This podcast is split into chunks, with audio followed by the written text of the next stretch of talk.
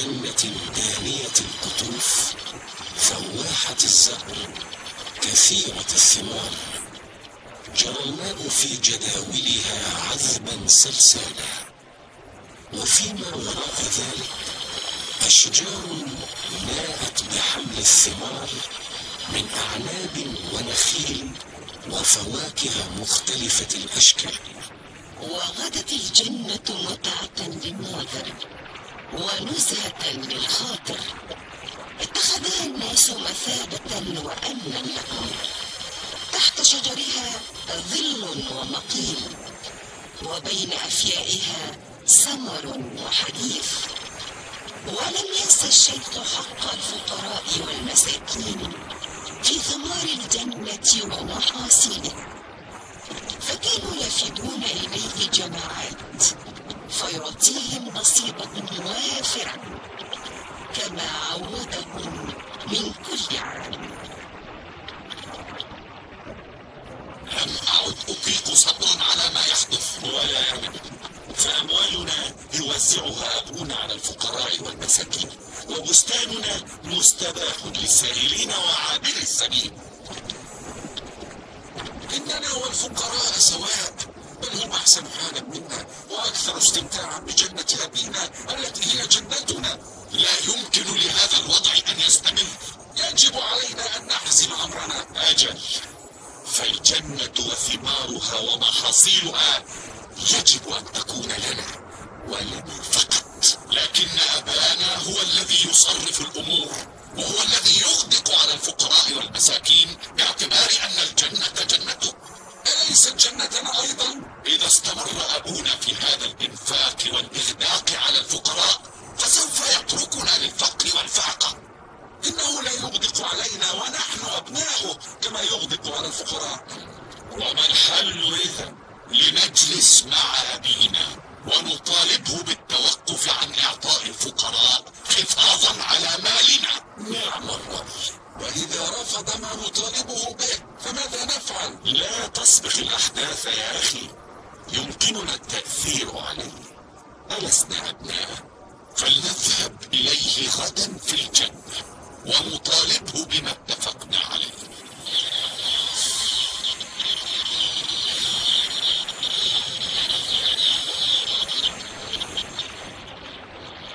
هل انتهيتم من عملكم؟ اجلسوا يا أولاد. ماذا بكم؟ هل لأحد منكم حاجة فأقضيها له؟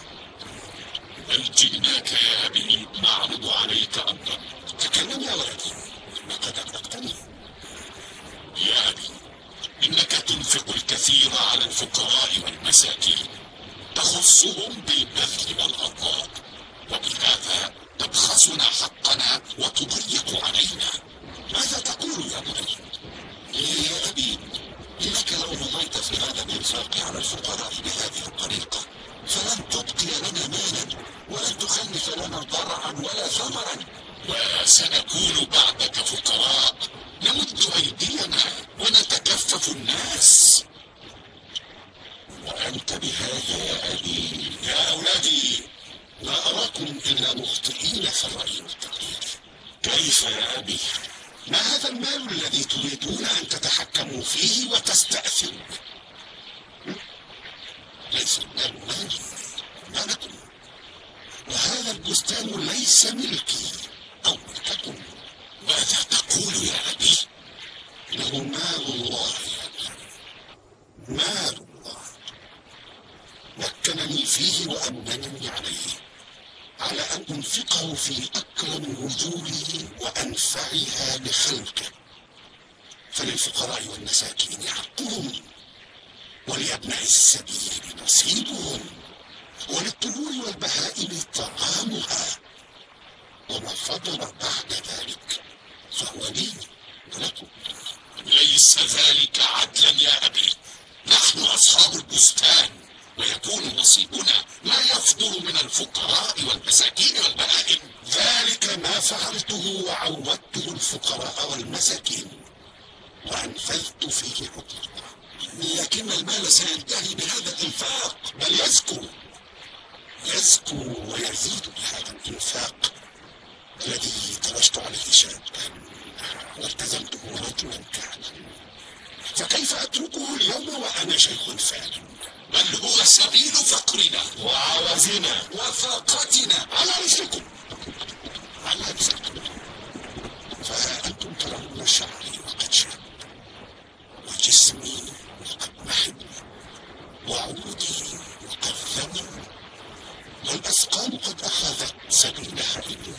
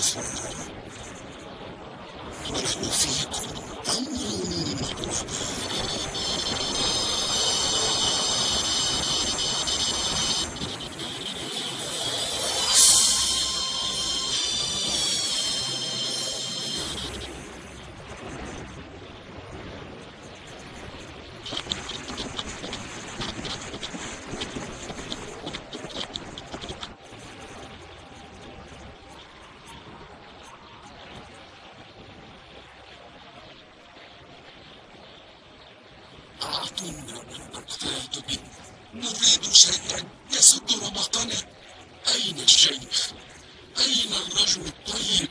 فنحن لم نره منذ أيام إنه مريض أه؟ مريض؟ لابد أن نعود فلنذهب إليه الآن ماذا تقول يا هذا؟ إنه في غنى عن زيارتك له بل هو في غنى عن زيارتكم جميعا ماذا تقولون؟ إننا جميعا نعيش من خيره ومما ينفق علينا ويعطينا كيف لا نعود؟ نعم نعود. لا تمنعونا سنذهب لنطمئن عليك أخوايا لا يقصدان الإساءة إليكم.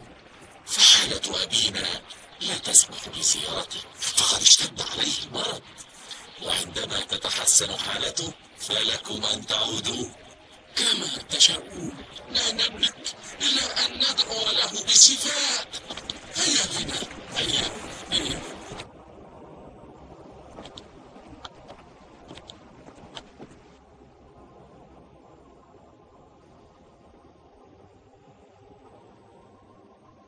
أوصيكم بالفقراء والمساكين خيرا أعطوهم حقوقهم ولا تنقصوهم شيئا. لا تجهد نفسك يا أبي. سنفعل ما تريد. ما نحن فيه من رزق وسعة. إنما هو من رضاء الله ودعاء هؤلاء الفقراء. لا تهضمون حقهم فعقاب الله أليم سنفعل أبي وعليكم بالصلاة فإنها تنهى عن المنكر وتردكم إلى الحق وتعطف قلوبكم على الفقراء لك ما تريد أبي هذه وصيتي لكم فاحفظوها فإني أشعر بدنو أجلي وأريد أن ألقى الله وقد أبرأت ذمتي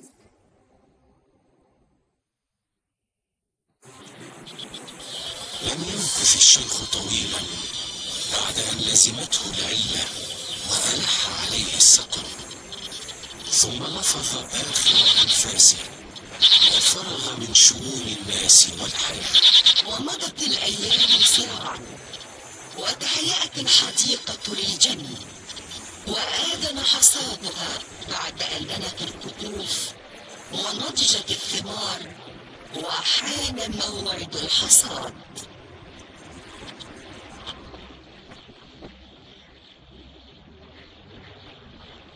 ماذا تأكل أيها اللص الحقير؟ إنها ثمرة كما ترى يا سيدي؟ سرقتها من جنتي أيها اللص لم أسرق شيئا يا سيدي.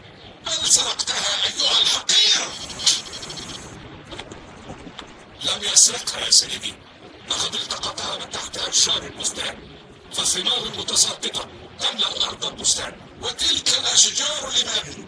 من يملكها؟ أنت يا سيدي والثمار المتساقطة لمن؟ لك يا سيدي ومن يأخذها يكون سارقا ولا بد أن ينال عقابه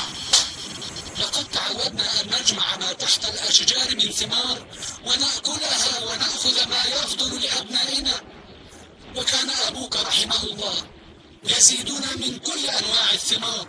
ذلك زمن مضى يا هذا. أنت الثمرة.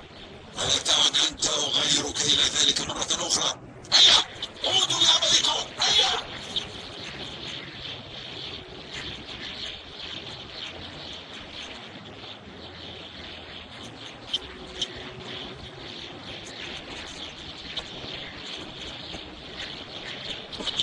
ما عاد في البستان حق لسائل فقير ولم تعد خمائله مأوى لقاصد أو عابر سبيل وأصبح لكل منا نصيبه يثمره إذا شاء ويخزن منه ما يشاء. وهكذا يعلو شأننا ويزيد مالنا ونصبح أثرياء. إنكم تقدمون على أمر تظنونه خيرا لكم ولكنه يحوي الشر في طياته وتحسبونه نفعا لكم ولكنه سيقضي على بستانكم من جذور. هكذا لقد أصبحنا بالفعل أغنى أغنياء هذه البلاد. كف يا أخي عن نصائحك واستغفر بها لنفسك. إنكم حرمتم الفقراء وعطلتم حق المساكين فلا تأمنوا منهم شرا واعتداء. امنحوا الحق وكونوا على سيرة أبيكم في إرضائهم. وما فضل بعد ذلك فإن الله ينميه ويبارك فيه لا تقترح شيئا فيما لا تملك. ودعك من نصحنا فلن تجد منا إلا آذانا صماء دعك من هذا الحديث يا أخي وفكر معنا في الأهم فقد آن جني الثمار ولا نريد أن يأخذ فقير أو مسكين ثمرة واحدة ها؟ فما رأيكم؟ إنني أرى أن نقوم بالجن في عناية الصبح قبل أن يفارق الفقراء المضاجع نقوم بالجن الرسول ونأتي به إلى الدار ونوزعه بيننا ولكل منا حرية التصرف في نصيبه. نعم الرئيس ما رأيك يا أخي؟ كما ترون ولكني أحذركم أحذركم عاقبة تصرفكم هذا. فلنقسم ثلاثتنا على هذا الاتفاق وغدا في الفجر.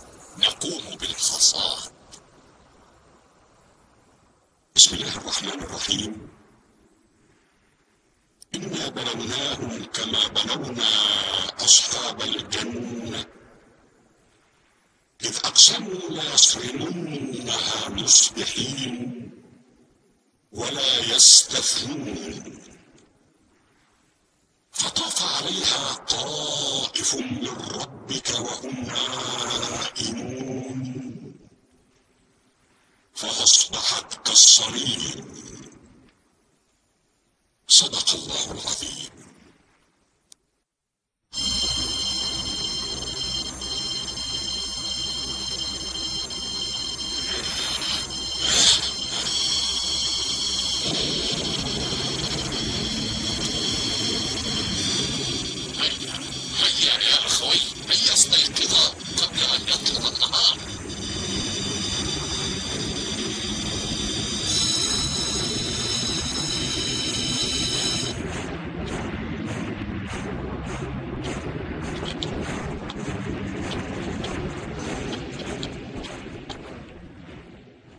بسم الله الرحمن الرحيم. فتنادوا مصبحين. أن اغدوا على حرفكم إن كنتم صارمين. فانطلقوا وهم يتخافتون. ألا يدخلنها اليوم عليكم مسكين. وغدوا على حرد قادرين. صدق الله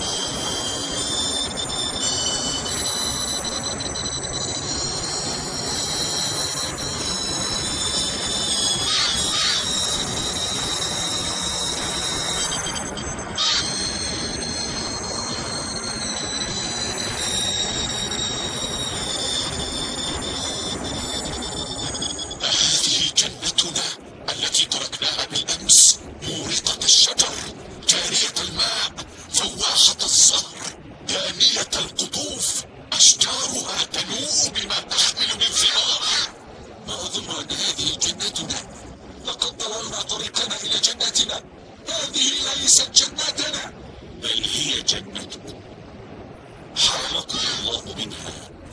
قبل أن تحرموا الفقير والمسكين والسائل وعلى السبيل.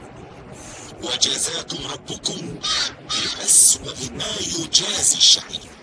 يا ويلنا يا ويلنا. ألم أقل لكم اتقوا الله واتبعوا نصح أبيكم. لقد ظالمين يا ويلتنا يا ويلتنا لقد كنا طاغين سبحان الله العظيم عسى ربنا أن يبدلنا خيرا من هذه الجنة وساعتها لن نحرم سائلا أبدا نعم إنه ابتلاء ربنا كي نعود إلى طريق الحق والرشاد.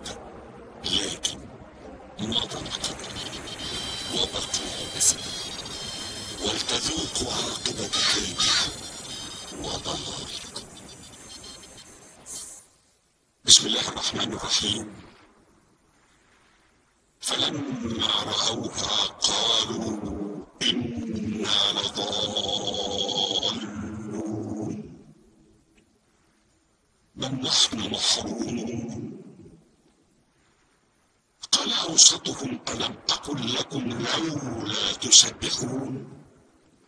قالوا سبحان ربنا إنا كنا ظالمين. فأقبل بعضهم على بعض يتلاومون قالوا يا ويلنا إنا كنا طاغين عسى ربنا أن يبدلنا خيرا منها. إنا إلى ربنا راغبون. كذلك العذاب ولعذاب الآخرة أكبر لو كانوا يعلمون. صدق الله العظيم.